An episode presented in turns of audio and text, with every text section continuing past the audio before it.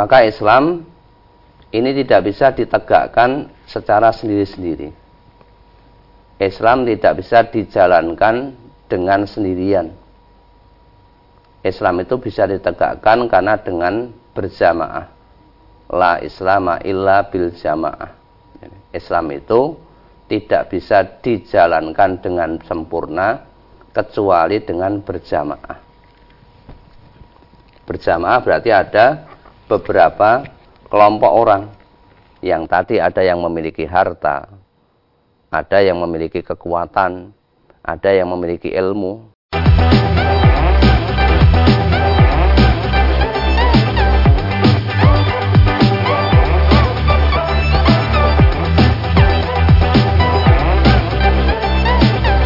Assalamualaikum warahmatullahi wabarakatuh Saudara pemirsa channel terpilih MTA TV di mana pun Anda berada Puji syukur Alhamdulillah senantiasa kita panjatkan kehadirat ilahi Robbi Allah subhanahu wa ta'ala atas kenap karunia nikmat dan juga rahmatnya untuk kita semua di perjumpaan awal aktivitas pagi hari ini. Kita jumpa kembali di program unggulan Fajar Hidayah dan Alhamdulillah sudah hadir Ustadz Muhammad Ghazali SPDI yang nanti akan melanjutkan pelajaran sekaligus memberikan pencerahan untuk kita semua di kesempatan kali ini. Assalamualaikum warahmatullahi wabarakatuh Ustaz. Waalaikumsalam warahmatullahi wabarakatuh. Kabar baik dan sehat pagi Alhamdulillah Ustaz. baik Mas Alhamdulillah baik. Dan pemirsa nanti bisa bergabung bersama kami di line telepon yang sudah kami siapkan di 02716793000 SMS dan juga di WA kami. Kami persilakan juga di 08 11 255 3000. Kita simak pelajaran kita pagi ini. Silakan. Bismillahirrahmanirrahim. Assalamualaikum warahmatullahi wabarakatuh.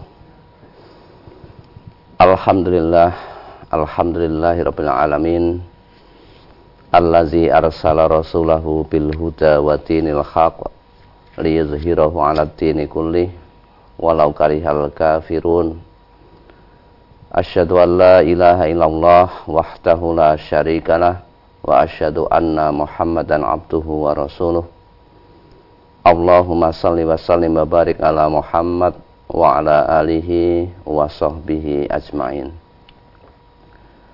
Qala Allah Ta'ala fi kitabihil karim A'udzu billahi minasyaitonir rajim. Ya ayyuhalladzina amanu taqullaha haqqa tuqatih wa la tamutunna illa wa antum muslimun. Alhamdulillah senantiasa kita selalu memanjatkan rasa syukur kita kehadirat Allah Subhanahu wa taala bahwa sampai pada kesempatan pagi hari ini kita masih diberikan nikmat nikmat kesempatan hidup. Tentunya kenikmatan ini jangan sampai kita sia-siakan kita belajar dari kejadian yang ada di Malang berapa banyak saudara-saudara kita yang meninggal dalam waktu yang bersamaan. Mereka berangkat tentunya juga tidak menginginkan hal yang demikian. Tetapi takdir memang berkata demikian.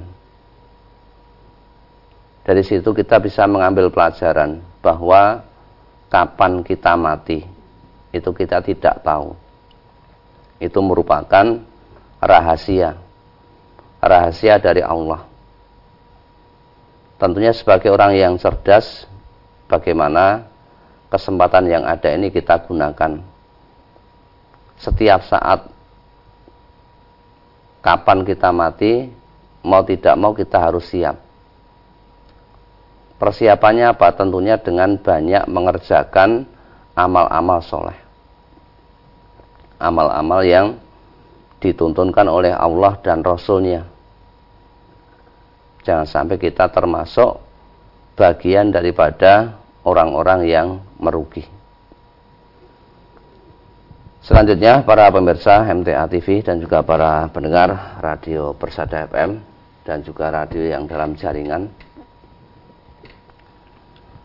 Pada pagi hari ini kita akan belajar bersama dari surat Al-Baqarah ayat 273 A'udzu billahi minasyaitonir rajim lil fuqara illadzina ukhsiru fi sabilillahi la yastati'una zarban fil ard. Yahsabuhumul jahilu aghniya aminat ta'affuf ta'rifuhum bisimahum la yas'aluna nasa ilhafa wa ma tunfiqu min khairin fa innallaha bihi alim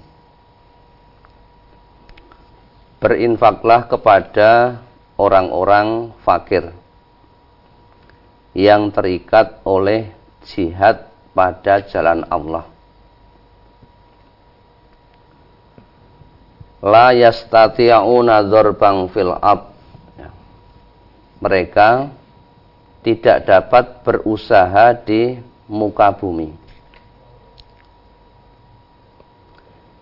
yaksabuhumul jahilu aghniya aminat ta'afuf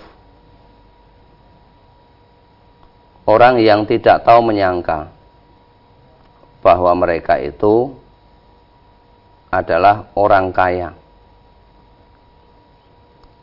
apa cirinya karena mereka tidak mau meminta-minta jadi memelihara diri dari meminta-minta dan kamu kenal mereka dengan melihat sifat-sifatnya. Ya. La yas'alunan nasa ilhafa. Mereka tidak meminta orang secara mendesak. Ya. Wa ma tunfiku min khairin fa innallaha bihi alim. Dan apa saja harta yang baik yang kamu nafkahkan pada jalan Allah, maka sesungguhnya Allah Maha mengetahui. Ayat ini menjelaskan tentang anjuran bagi orang-orang kaya tentunya, orang-orang yang memiliki kelebihan harta.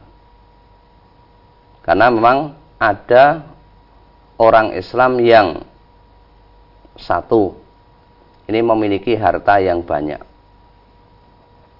Zumalin memiliki harta. Tetapi dia tidak memiliki ilmu ilmu yang memadai dalam rangka untuk berdakwah di jalan Allah. Ada juga orang yang hanya memiliki zu ilmin, mempunyai ilmu, tetapi tidak memiliki harta. Kemudian juga ada orang-orang yang hanya memiliki zukuwatin, memiliki kekuatan, tetapi tidak memiliki ilmu, ya, punya harta, atau sebaliknya. Maka Islam ini tidak bisa ditegakkan secara sendiri-sendiri. Islam tidak bisa dijalankan dengan sendirian. Islam itu bisa ditegakkan karena dengan berjamaah. La islama illa bil jamaah. Islam itu tidak bisa dijalankan dengan sempurna kecuali dengan berjamaah. Berjamaah berarti ada beberapa kelompok orang yang tadi ada yang memiliki harta, ada yang memiliki kekuatan, ada yang memiliki ilmu. Lah ayat di sini di surat Al-Baqarah ayat 273 ini adalah orang-orang fakir yang membutuhkan bantuan. Bisa jadi dia memang orang yang memiliki ilmu, tetapi fisiknya sudah tua. Sakit atau mungkin terancam sehingga terhalang usahanya karena disibukkan oleh berjihad di jalan Allah. Atau bisa jadi mereka berperang kemudian karena terluka. Ada yang tangannya putus satu. Atau kakinya sakit ya. Karena ketika perang zaman dahulu ini banyak terjadi hal-hal yang seperti itu. Ya, ada yang kakinya cacat, ada yang tangannya cacat, ada yang matanya cacat, sehingga mereka tidak dapat berusaha untuk memenuhi kebutuhan hidup di bumi. Nah, kebutuhan di sini yang dimaksud adalah kebutuhan-kebutuhan pokok, ya. kebutuhan sandang, pangan, papan. Ini bagi orang-orang yang agnia, orang-orang kaya. Ini memiliki kewajiban untuk menolong karena saling menguatkan antara satu dengan yang lain.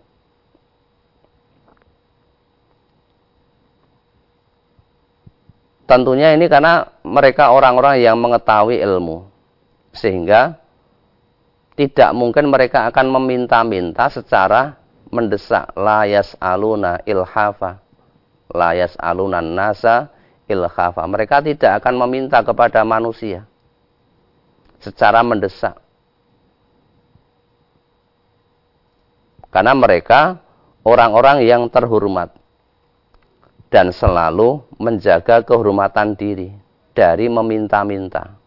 Nah, dikiranya oleh orang-orang bahwa orang-orang itu mampu karena tidak meminta. Padahal sebetulnya dia membutuhkan. Maka hal yang seperti ini diperintahkan oleh Allah.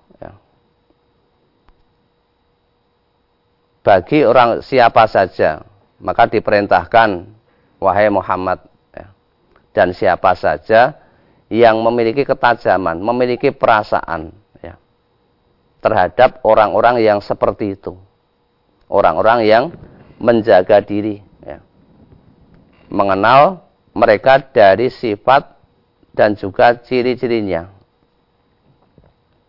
Mereka berjuang di jalan Allah dengan khusuk, dengan ikhlas, kemudian juga dengan rendah hati. Ya. Dan juga sederhana. Sehingga ketakwaannya itu melahirkan kewibawaan di hati dan bagi mata orang yang memandang. Ya. Ini merupakan bagian dari kehidupan kita sebagai orang Islam, orang yang berjamaah, bagaimana satu dengan yang lain saling menguatkan. Yang punya ilmu, kemudian dia berdakwah, bisa ke sana kemari, tetapi dia di bidang usaha, ini tidak memiliki keahlian. Maka bagi orang-orang yang tadi memiliki zu malin yang memiliki harta yang banyak, ini bisa menginfakkan hartanya. Semuanya bukan hanya semata-mata karena membela orang tersebut. Tetapi ini juga dalam rangka untuk berjuang di jalan Allah. Agar kalimat-kalimat Allah ini menjadi tinggi. Li'i'la'i kalimatillah. Karena orang yang kaya tadi ketika berdakwah ternyata juga tidak memiliki kapasitas tidak memiliki kemampuan di bidang keilmuan misalnya. Hanya punya harta saja. Tetapi juga ada orang Islam yang punya harta, punya kekuatan, kemudian punya ilmu. Tetapi jumlahnya kan tidak banyak yang seperti ini. Ya. Karena tidak banyak, tentunya juga tidak akan mencukupi. Kalau dia ditinggal pergi terus berjuang di jalan Allah, lah bagaimana dengan usahanya? Maka ini bagaimana satu dengan yang lain ini bisa saling menguatkan.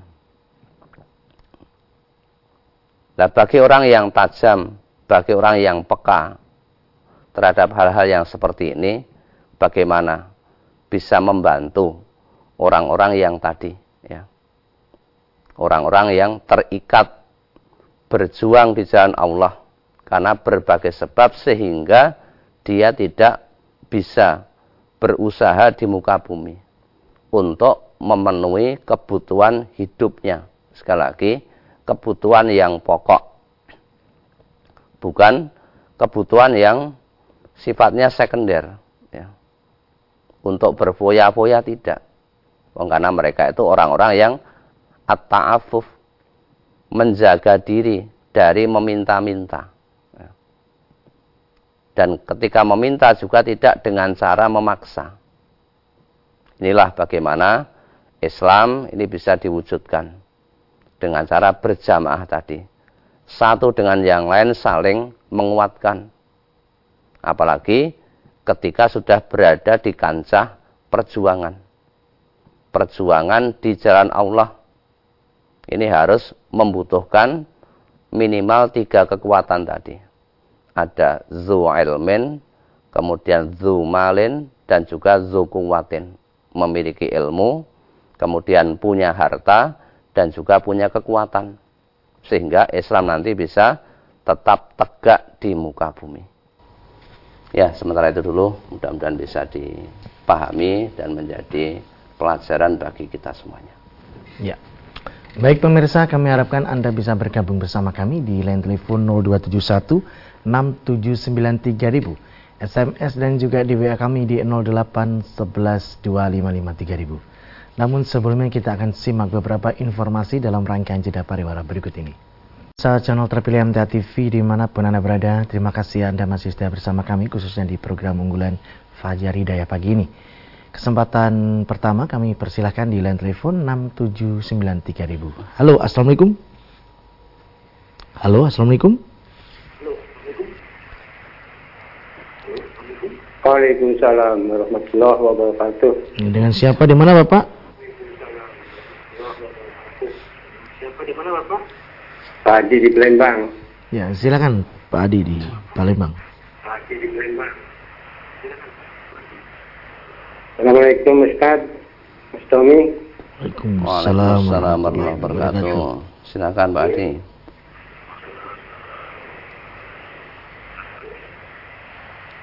Ini Ustaz. Ada Ustaz bilang bahwa dalam sholat asar tidak ada sholat rawatibnya. Tapi saya jumpai dalam brosur sholat sunnah Bagian ketiga yaitu sholat sunnah sebelum azan. Hadisnya berbunyi begini Mas ya artinya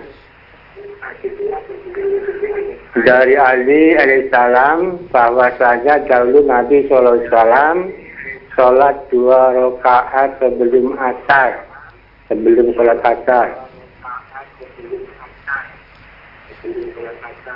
Hadis riwayat Abu Dawud juz 2 halaman 23 nomor 1272.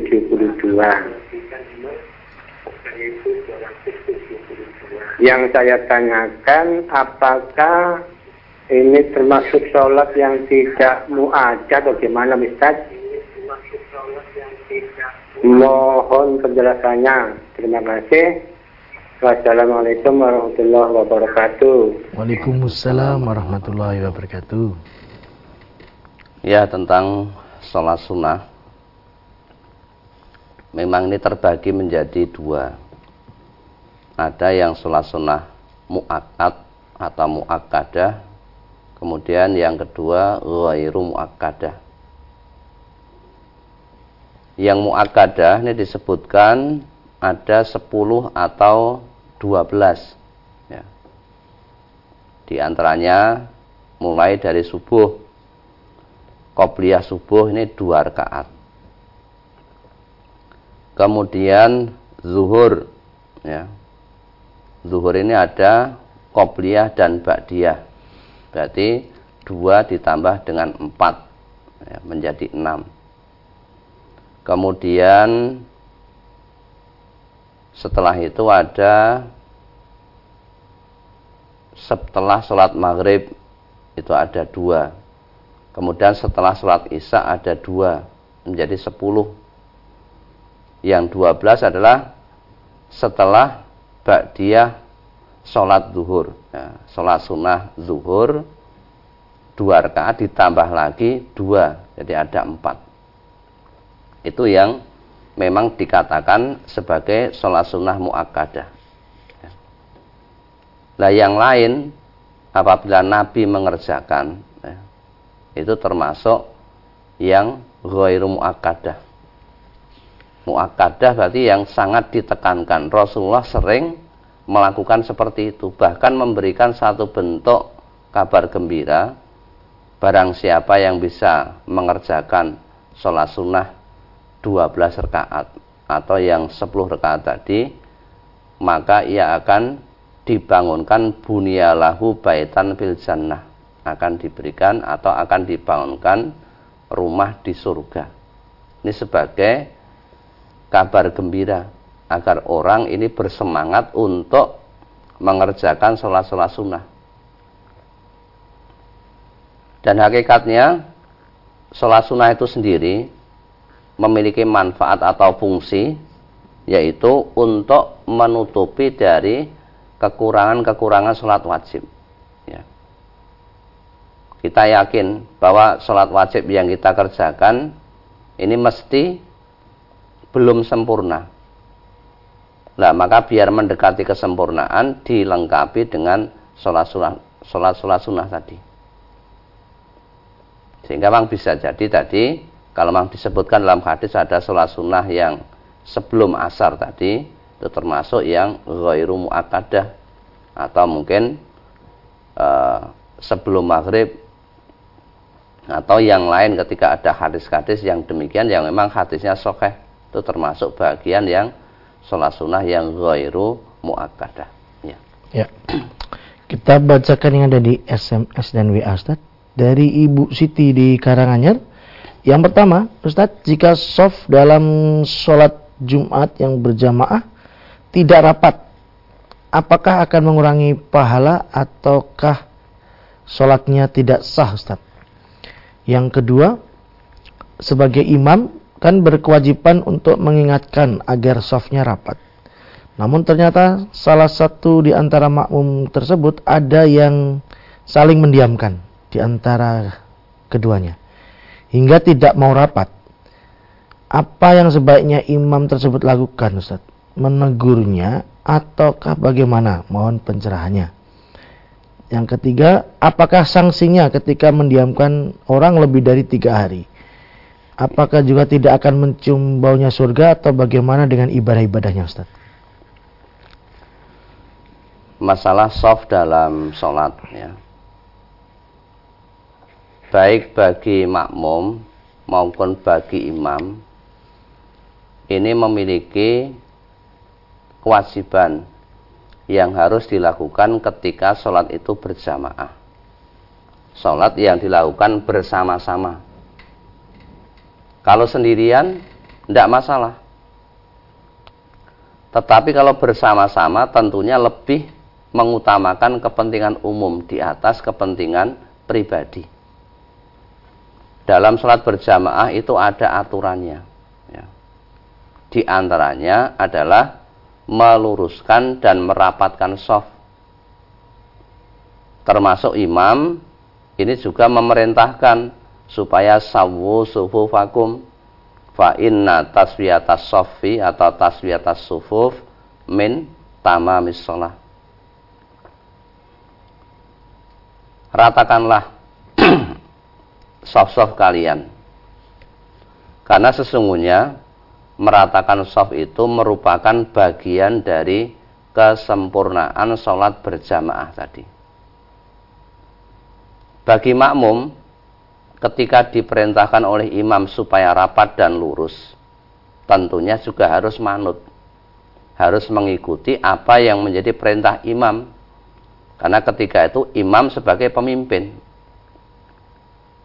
Kalau ada di antara dua orang tadi yang mungkin ya, tidak ketemu hati, ini jangan dibawa di dalam sholat berjamaah. Ya. Kita harus mengingat tentang hadis dari Rasulullah tentang menyambung soft. Ya. Anil Baro ibni Azib bin Qol kana Rasulullah sallallahu alaihi wasallam yatakhallalu sofa min nakhiyatin ila nakhiyatin yamsahu sudurona wa manakibana wa yakul la tahtalifu fatahtalifa qulubukum wa kana yaqul innallaha wa malaikatahu yusalluna 'alas sufufil awal. Dahulu Rasulullah mendatangi barisan saf dari sudut ke sudut. Beliau meratakan dada-dada kami dan bahu-bahu kami sambil berkata, Janganlah kalian berselisih, ya, maju mundur atau tidak rapat yang menyebabkan berselisih hati kalian pula. Dan beliau bersabda, sesungguhnya Allah dan para malaikatnya ini bersolawat kepada ahli sof atau orang yang menempati sof yang pertama. Kemudian yang kedua, An Abdullah bin Umar anna Rasulullah sallallahu alaihi wasallam qala aqimus sufufa wa hadzu bainal manakibi wa suddul halal walinu wala tazaru furuja tilis syaiton waman wasala soffan wasolahullah waman qata'a soffan qata'ahullah ini diriwayatkan oleh Abu Dawud dari Abdullah bin Umar bahwa Rasulullah sallallahu alaihi wasallam bersabda luruskanlah soft. Ya, ketika sholat berjamaah, imam memerintahkan untuk meluruskan barisan. Dan sejajarkanlah bahu dan tutuplah tempat yang longgar. Nah tadi karena tidak ketemu hati, akhirnya softnya menjadi longgar. Dan lembutkanlah diri kalian apabila ditarik oleh tangan-tangan saudara kalian dan janganlah kalian biarkan celah-celah untuk setan. Ketika orang tidak ketemu hati, ya jangan dibawa kepada sholat berjamaah. Sholat itu merupakan perintah Allah. Ya. Waman wasola sofan wasolahullah. Dan barang siapa yang menyambung sof, niscaya Allah menyambungnya.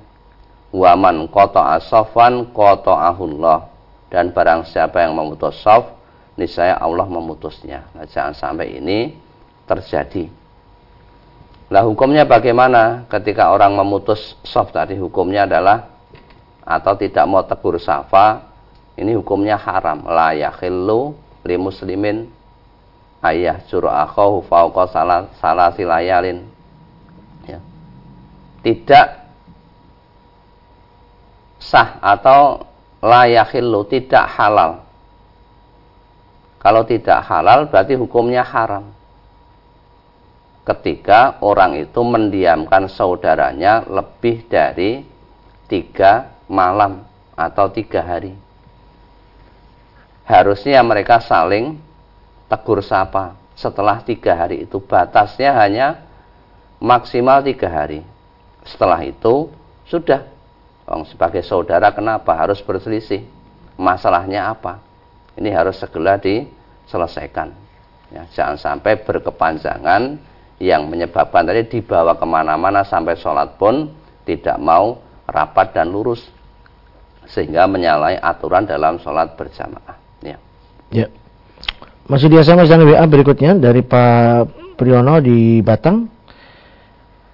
Saya jadi ketua RT Ustadz dan di RT saya itu ada kegiatan rutin tiap malam Jumat diadakan kegiatan tahlilan keliling secara bergiliran.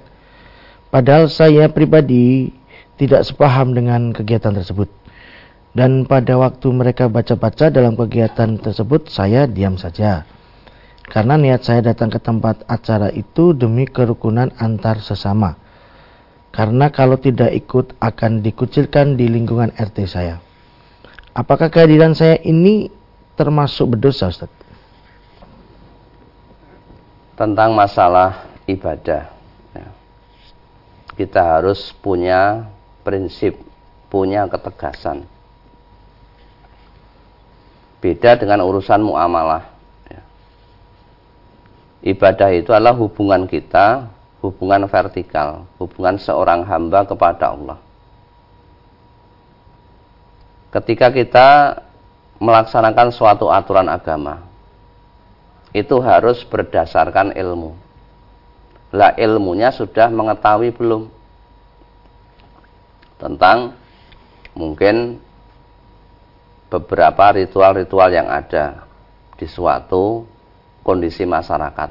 Ya. Tidak usah kami menyebutkan satu persatu. Ya. Dalam urusan agama kita harus mengambil garis tegas. Ya. Lana a'maluna walakum a'malukum. Dalam urusan beramal atau urusan masalah ibadah, kalau kita belum tahu ilmunya ya jangan melakukan. Jangan mengerjakan. Wala takfu ma laisa laka bihi ilmun. Jangan kamu mengerjakan sesuatu yang kamu tidak memiliki ilmu. Ini aturan yang diberikan oleh Allah. Ketika tadi ada beberapa uh, ritual yang kita memang tidak sependapat ya kita tidak usah ikut datangnya ketika tadi sudah selesai ya. ritualnya acara tadi sudah selesai baru kita datang ya.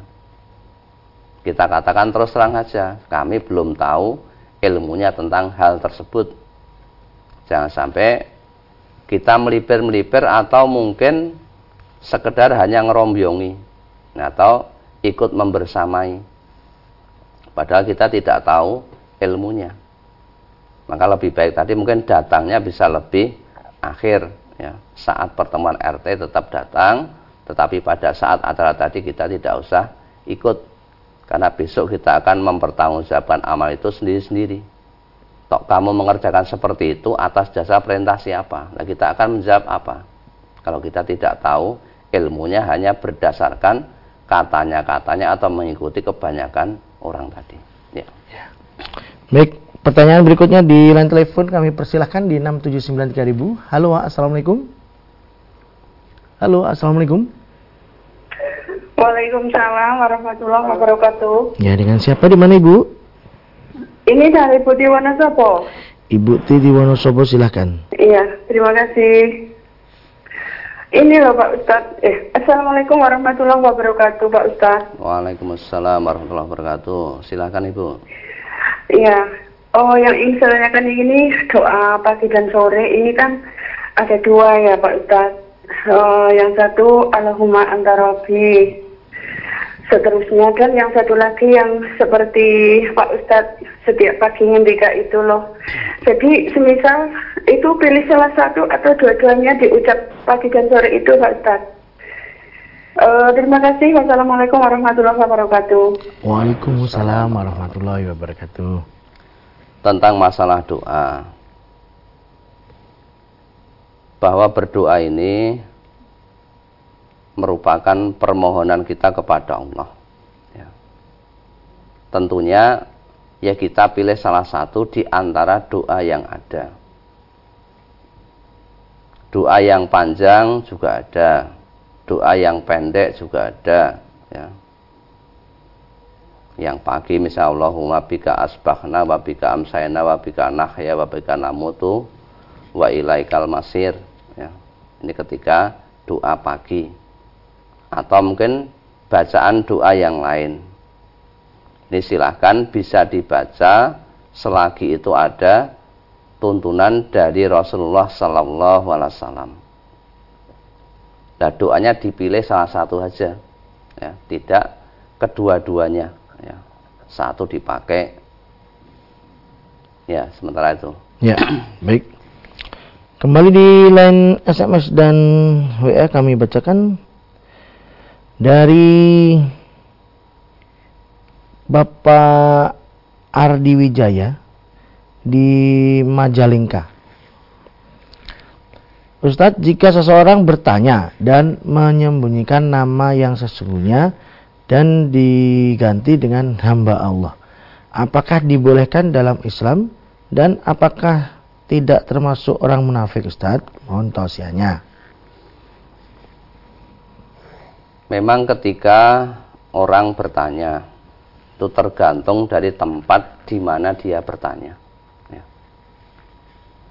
Kalau memang aturannya di situ harus mencantumkan nama dan alamat yang jelas, ya dicantumkan. Karena pertanyaan yang tidak ada identitasnya mungkin di suatu tempat tersebut tidak akan dibacakan. Atau mungkin ada juga kelompok pengajian yang memang karena pertanyaannya sifatnya agak pribadi, kemudian menyamarkan namanya diganti dengan hamba Allah. Itu yang tidak masalah. Ya. Karena ketika nanti orang tahu, ya, ini menjadikan satu bentuk pembahasan atau mungkin pembicaraan atau mungkin fitnah. Maka lebih baik mengambil jalan tadi dengan memberikan identitas hamba Allah. Ya, karena semuanya juga hamba Allah. Ya. Boleh saja, insya Allah itu tidak termasuk bagian daripada kemunafikan.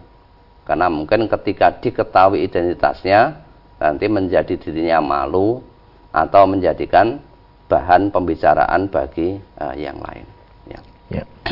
Baik Ustaz, sekiranya sudah di penghujung perjumpaan kali ini, ada yang bisa sampaikan sebagai nasihat? Silakan Ustaz. Ya, kepada para pemirsa NTA TV dan juga para pendengar Radio Persada FM,